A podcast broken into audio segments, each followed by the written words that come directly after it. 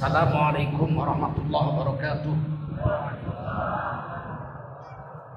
Hamdan wa syukran lillah Wassalatan wassalaman ala rasulillah Wa ala alihi wa sahbihi wa mawalah Allahumma salli wa sallim ala hadha nabiyil karim Sayyidina wa maulana Muhammadin Wa ala alihi wa sahbihi ajma'in.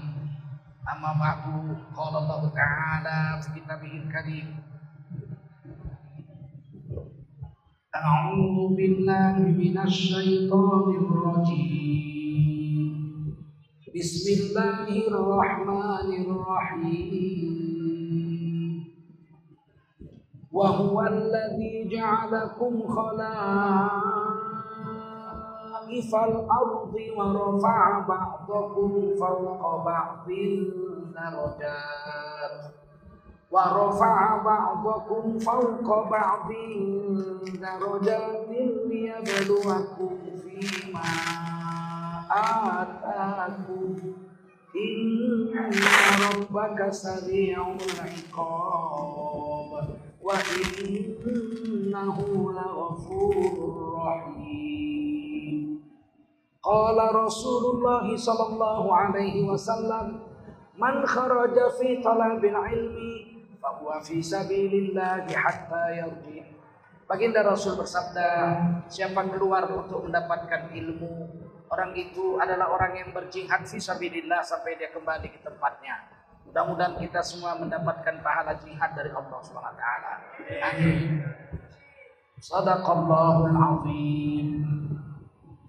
Wa sadaqa rasuluhu nabiyul karim wa nahnu ala dzalika minasyahidin wasyakirin walhamdulillahi rabbil alamin.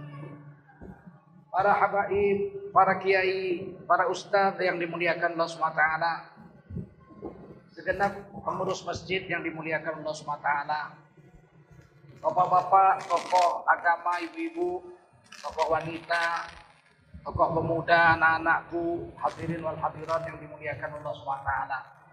Wajiblah kita bersyukur pada Allah SWT. Salawat dan salam kita sampaikan untuk baginda Rasulullah Sallallahu Alaihi Wasallam. Kita ini hidup di dunia. Allah mengantar kita ke dunia bukan sembarangan kan asal diantar ke dunia terus hidup kemudian mati bukan. Kita diantar Allah ke dunia ini punya jabatan. Jabatan kita kata Allah adalah khalifah. Khalifah Allah di atas bumi. Dari 7,8 miliar penduduk dunia yang diangkat jadi khalifah adalah hanya orang beriman saja. Orang beriman di dunia ini ada 7, 8 miliar penduduk dunia 1,9 miliar adalah orang Islam. Mengucapkan la ilaha illallah Muhammadun Rasulullah. 1,9 miliar itulah yang Allah angkat menjadi para khalifahnya di atas dunia. Dan Alhamdulillah kita adalah salah satu di antaranya. Alhamdulillah.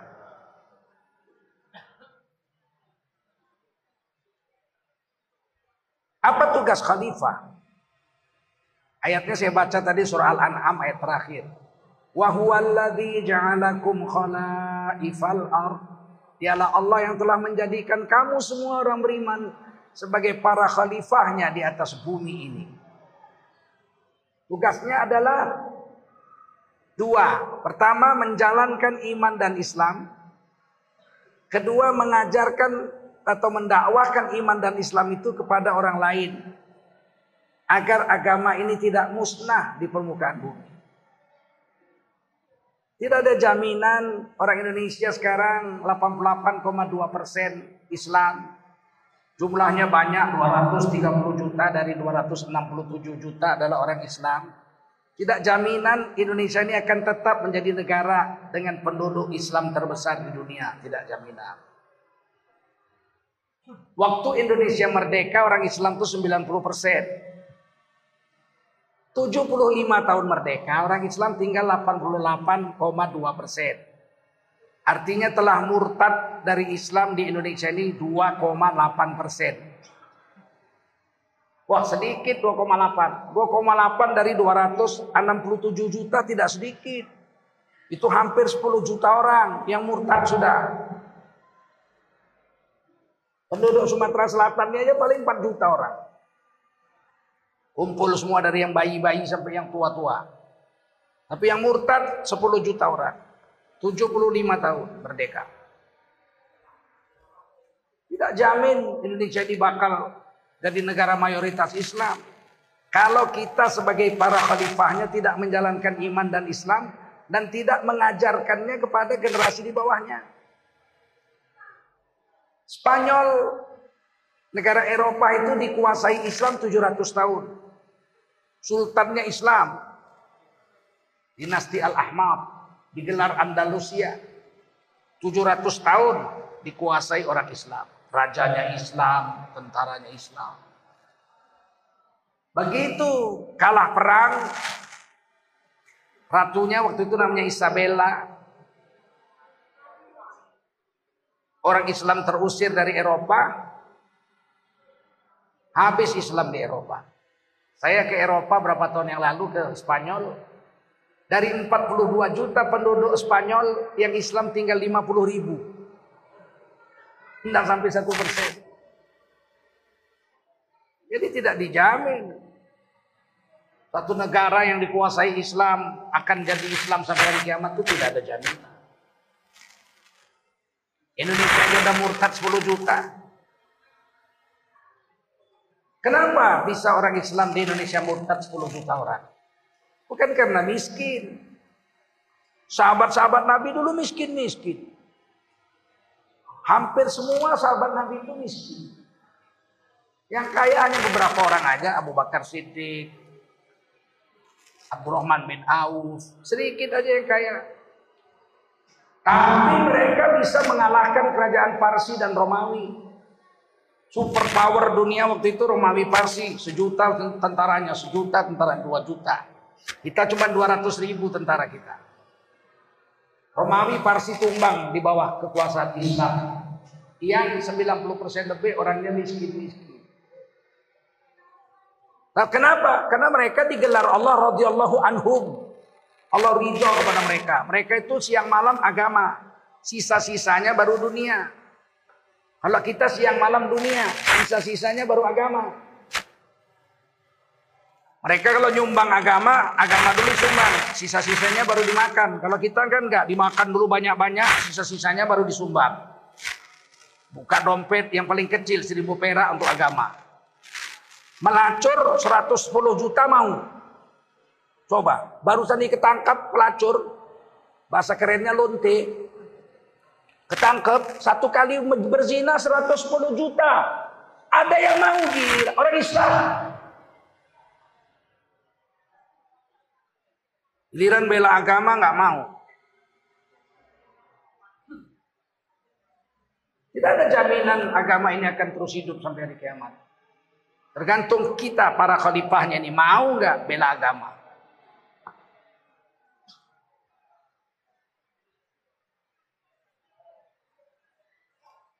Orang beriman di dunia ini hanya 1,9 miliar dari 7,8 miliar sedikit.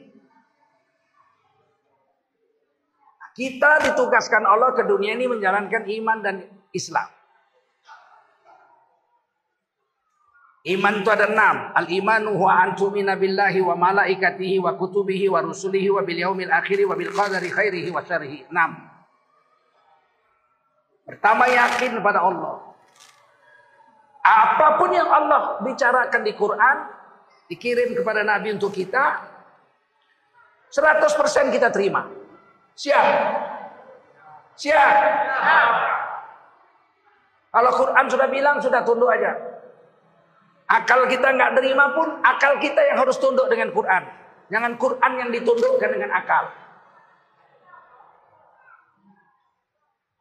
Kelemahan agama-agama yang lain ketika akalnya bertentangan dengan kitab suci, kitab sucinya ditukar. Begitu akalnya berubah, kitab sucinya udah nggak bisa ditukar lagi. Ada banyak perkara di dalam Quran yang ilmu sains modern belum bisa membuktikannya beribu-ribu tahun. ulama-ulama dulu tidak berani menukar Quran. Tapi akalnya yang dipendam ketika bertentangan dengan Quran akalnya. Misalnya dalam Quran dikatakan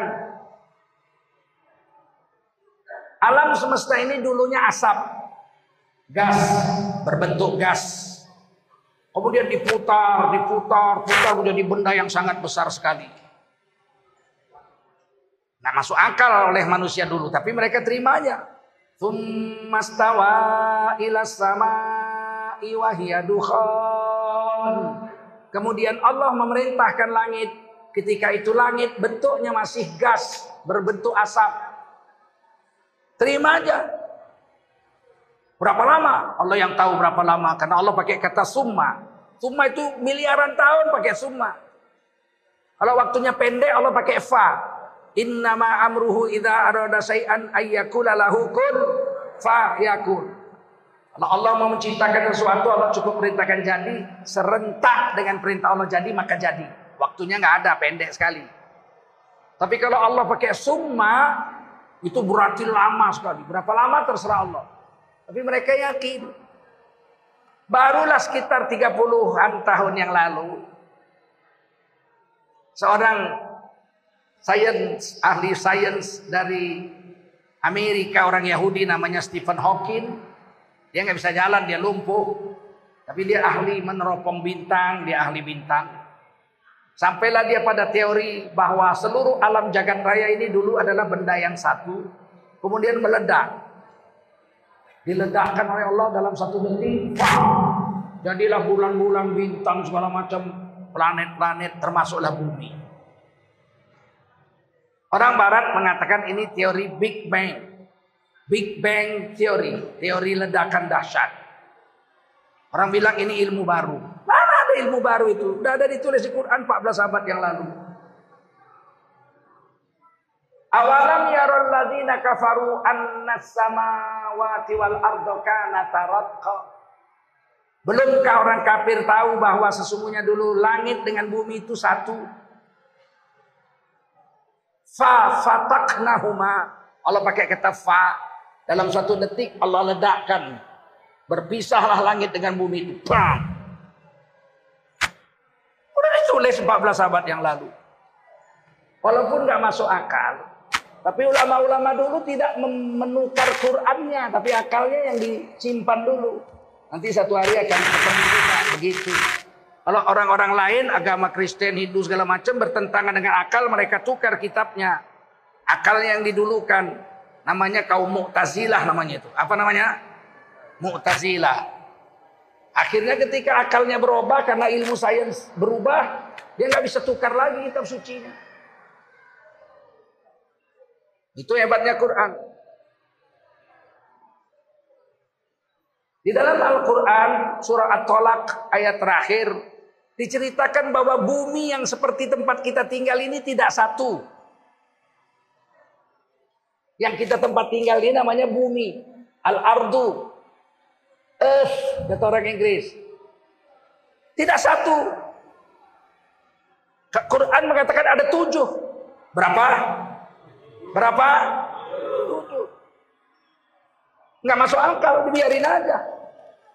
Sayyidina Abdullah bin Abbas radhiyallahu Beliau adalah ahli tafsir zaman Rasulullah, sepupu Rasulullah, anak paman Nabi namanya Abbas radhiyallahu tiga tahun lebih tua dari Nabi itu Abbas. Sayyidina Abbas, anaknya Abdullah bin Abbas itu ahli tafsir zaman sahabat Nabi. Tafsirnya masih bisa kita nikmati sekarang, tafsir Mikbas namanya. Beliau menolak mentafsirkan ayat ini.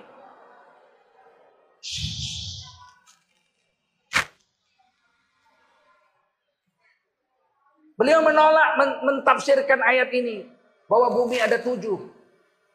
Beliau katakan kalau saya tafsirkan sekarang Kalian bunuh saya, kalian bilang saya zindik, sesat. Akal belum bisa nerima, biarin aja nanti dijelaskan oleh orang-orang di masa yang akan datang. Dibiarkan aja begitu. Ini dijelaskan oleh Imam Ghazali dalam kitab Ihya. Di mana di surah At-Talaq ayat terakhir?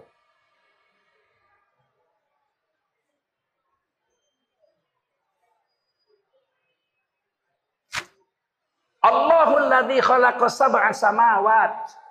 Dialah Allah yang telah menciptakan tujuh langit. Langit ada berapa? Kuat-kuat, berapa langit? Wa minal ardi mislahun. Dan Allah telah menciptakan bumi serupa langit. Ada berapa? Itu yang cerita 14 abad yang lalu Quran. Tidak terbukti beribu-ribu tahun. 1400 tahun. Barulah sekarang dapat diteropong. Ketemu satu bumi yang mirip dengan kita ini. Ada airnya, ada gunung, ada daun-daun, ada pohon-pohon kayu semua, ada udara. Ada memang. Sudah diakui ada, sudah dapat satu. Tapi nggak mungkin kita pindah ke sana. Terlalu jauh. Naik kapal terbang kalau kecepatan cahaya, mana ada kecepatan cahaya kapal terbang. Kapal terbang cuman 850 kilometer per jam. Kapal tempur, kapal tempur supersonik 800 meter per detik. Cahaya itu 300 ribu kilometer per detik. Mana ada orang bisa bikin. Allah yang bisa bikin itu. Buruk. Buruk itu terbang secepat kilat menyambar. Kalau secepat kilat berarti 300 ribu kilometer per detik.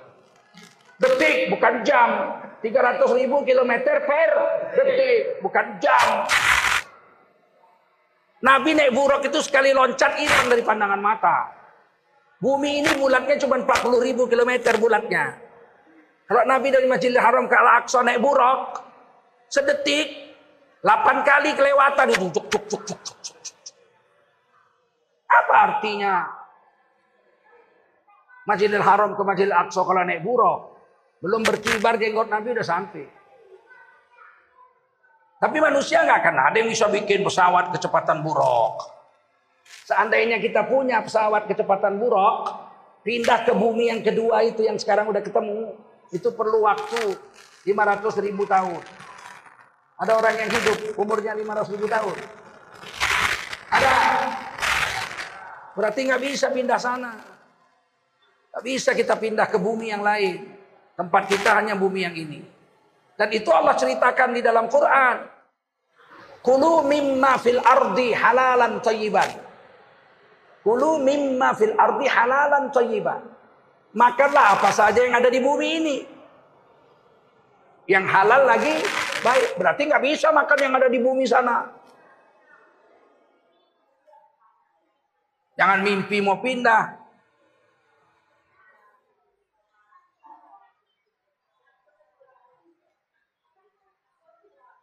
Allah telah menjadikan kita itu di dalam bu. Tinggal di sini nggak bisa tempat lain. Memang nggak bisa. Tempat kita bumi ini aja, betul. Cuma lagu Rinto itu rupanya syairnya betul. Syair keduanya yang betul. Seandainya dapat kau rasakan kejam-kejamnya dunia Tiada lagi keadilan. Apa Nah, sekarang ketahuan yang nggak adil. Mana ada anak muda berani menyerang polisi? Ada, ada, ada. Gila tuh. Lagi ngapain polisi ngikutin orang di jalan tol? Yang boleh di jalan tol hanya polisi lalu lintas. Tidak boleh polisi lain ada di jalan tol. Itu jalan bebas hambatan bayar. Betul? Polisi lain hanya boleh di luar jalan tol. Pengumumannya, Panglima TNI, Panglima Kodam Jaya ikut. Ngapain Panglima TNI ikut-ikut urusan? Panglima Kodam Jaya ikut-ikut urusan tembak menembak di jalan tol. Itu urusan polisi bukan urusan tentara. Betul? Payah. Usah, itulah entah kenapa pun kalian pilih dia dua periode kemarin. Rusak negeri ini, rusak.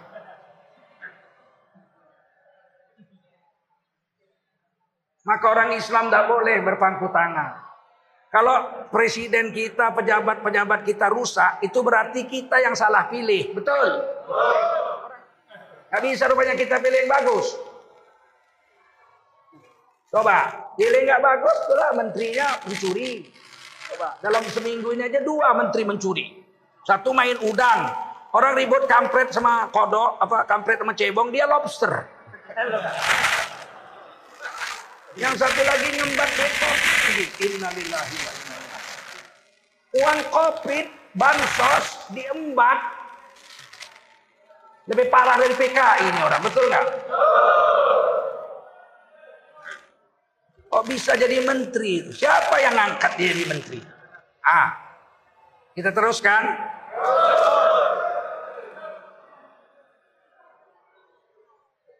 Kita tidak boleh menukar Quran. Kalau akal kita yang nggak sampai, akal kita diam dulu. Qurannya kita teruskan. Fir'aun. Kenal Fir'aun nggak? Nggak kenal. Ada di Quran kok nggak kenal. Kenal. Kenal nggak sama Fir'aun? Ada di Quran kok nggak kenal. Kenal. Fir'aun itu manusia hebat. Saking hebatnya ngaku Tuhan. Saking hebatnya ngaku Lahir jadi pangeran, besar jadi raja, seumur hidup jadi raja. Kurang berkuasa apa Fir'aun? Zaman Fir'aun nggak ada pemilu. Ah, mana ada pemilu zaman Fir'aun? Pakai kardus digembok? Zaman Fir'aun.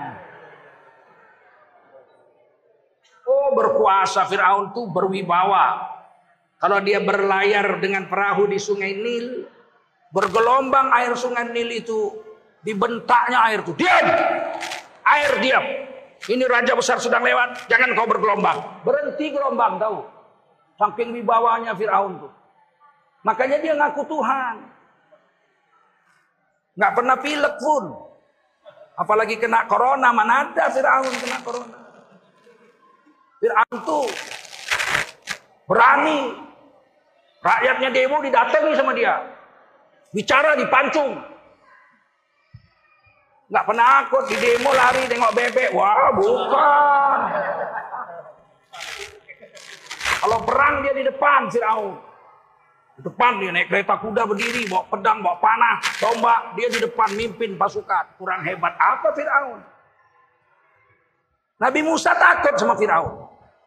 Padahal Nabi Musa itu nabi yang paling kuat salah satunya itu. Berkelahi suku Kipti dengan Bani Israel berkelahi, dipisah nggak mau, pisah nggak mau.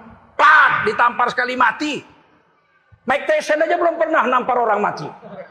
Nabi Musa ditamparnya orang sekali mati. Tapi waktu Nabi Musa disuruh jumpa Fir'aun, takut Nabi Musa. Idhab ila Fir'aun, innahu toho. Datangi Fir'aun. Kelewatan batas dia itu ngaku Tuhan. Apa kata kata Nabi Musa? Ini akhafu, aku takut. Saking wibawanya Fir'aun. Jadi raja seumur hidup. Mesir takut sama dia, disembah rakyatnya jadi Tuhan. Hebat Firaun. Tidak. Di dunia orang rakyatnya takut sama dia, tapi di Quran dia dibilang manusia hina. Apa salahnya Firaun? Satu aja. Gak yakin sama Allah. Gak percaya dengan Nabi Musa.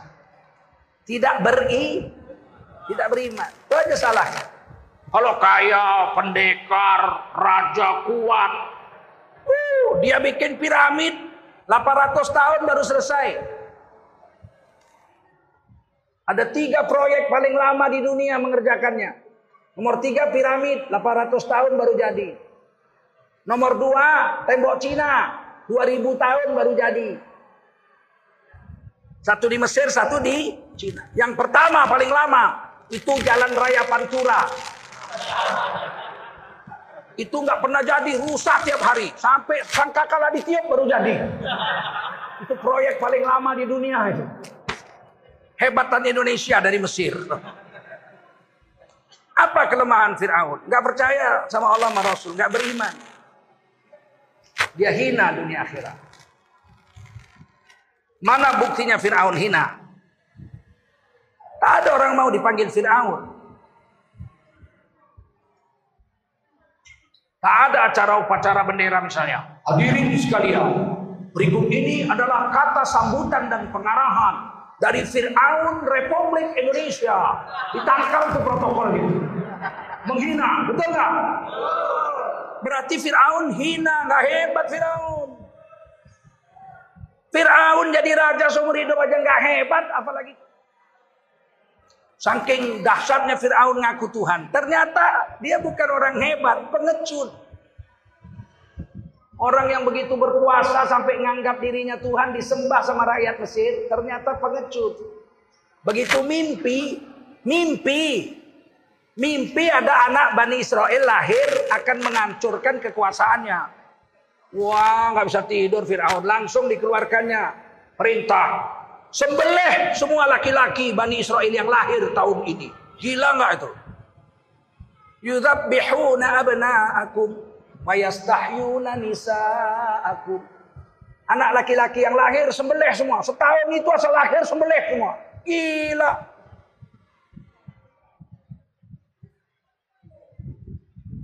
Yang akan menghancurkannya yang dalam mimpinya cuma satu. Tapi yang dibunuhnya semua yang lahir tahun itu kan gila itu.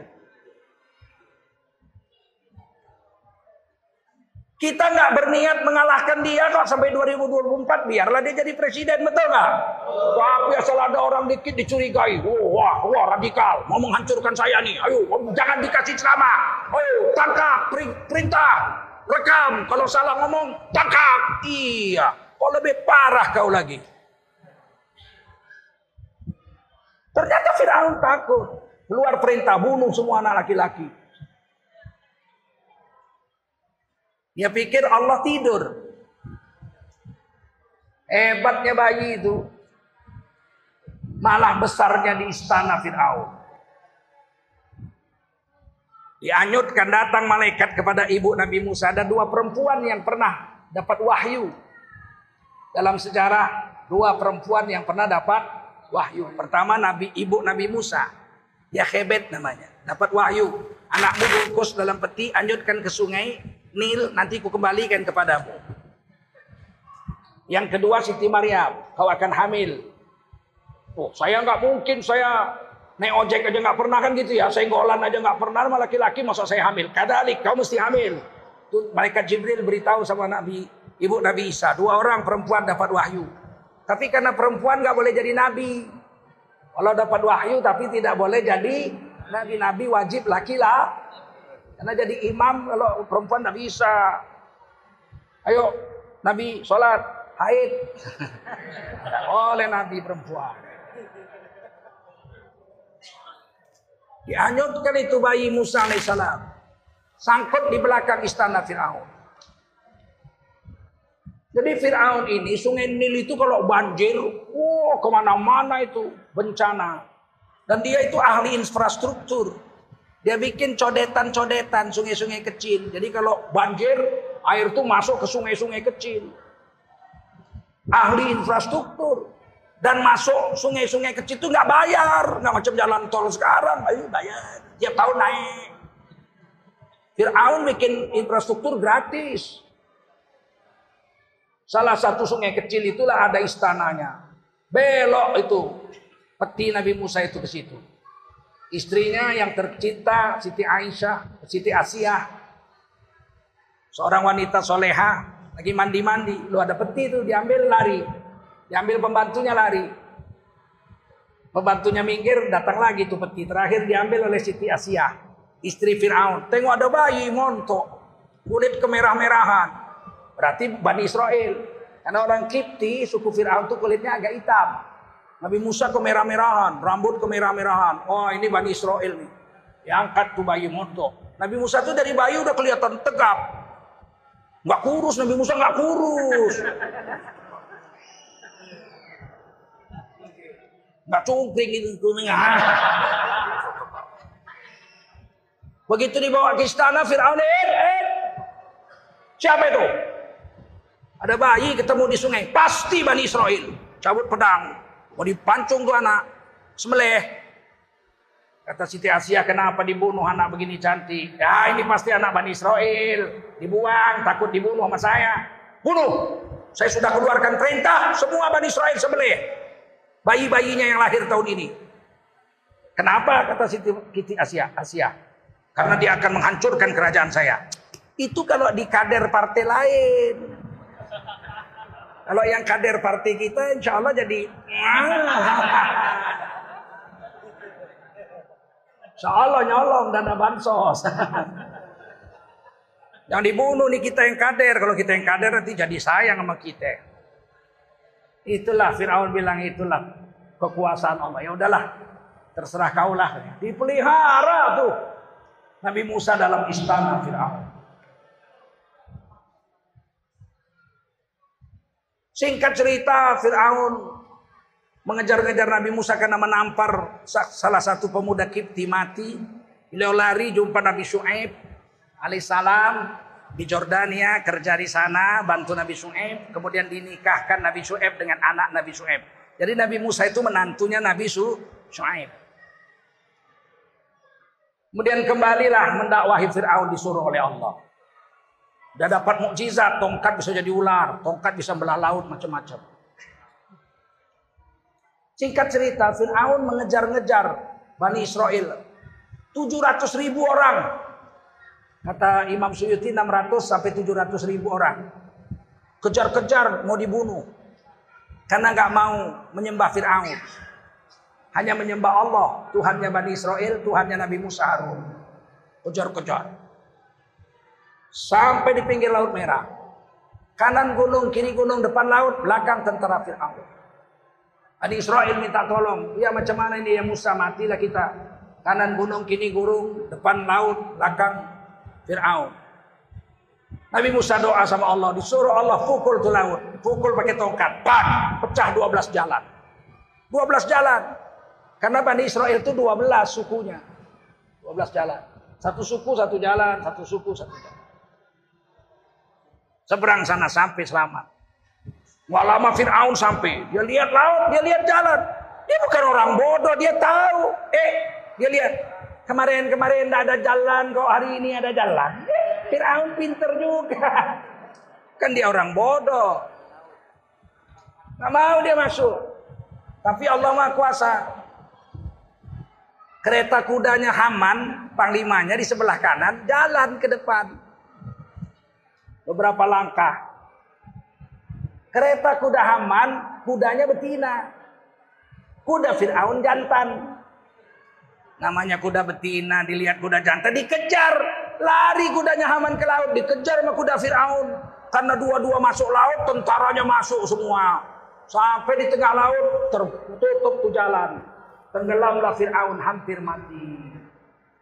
Waktu Fir'aun hampir mati, di situlah Fir'aun mengakui bahwa dirinya bukan Tuhan.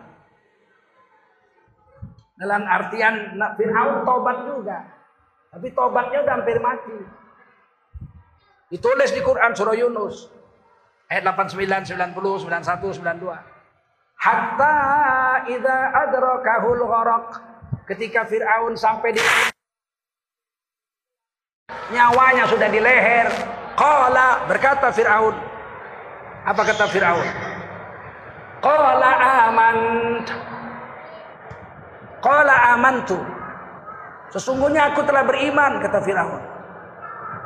Annahu la ilaha illalladzi amanat bihi banu Israel. Sesungguhnya tiada Tuhan selain Tuhannya Bani Israel. Fir'aun ngaku aku bukan Tuhan, Tuhan Nabi Tuhannya Nabi Musa, Tuhannya Nabi Harun, Tuhannya Bani Israel. Yang ku kejar-kejar karena nggak mau menyembah aku itu. Tuhan mereka yang betul bukan aku. Ngaku Fir'aun. Wa ana minal muslimin. Dan aku kata Fir'aun adalah salah satu dari orang Islam. Tapi kata Rasulullah, Inna Allah yaqbalu taubatal abdi ma lam. Sesungguhnya Allah menerima tobat siapa saja. Fir'aun pun diterima tobatnya. Asalkan nyawanya belum sampai sini. Kalau nyawa sudah sampai sini, jangankan preman Palembang, Fir'aun tobat. Fir'aun tobat. Tapi tobat nggak diterima karena udah sampai sini. Kenapa orang yang sampai sini nyawanya hampir mati dia tobat? Karena dia sudah diperlihatkan tempat yang akan akan dia tuju setelah matinya. Ini iman nih. Ya Allah ya Basir Ya Sami'u ya Alim Ya Hayyu ya Qayyum Birahmatika astaghir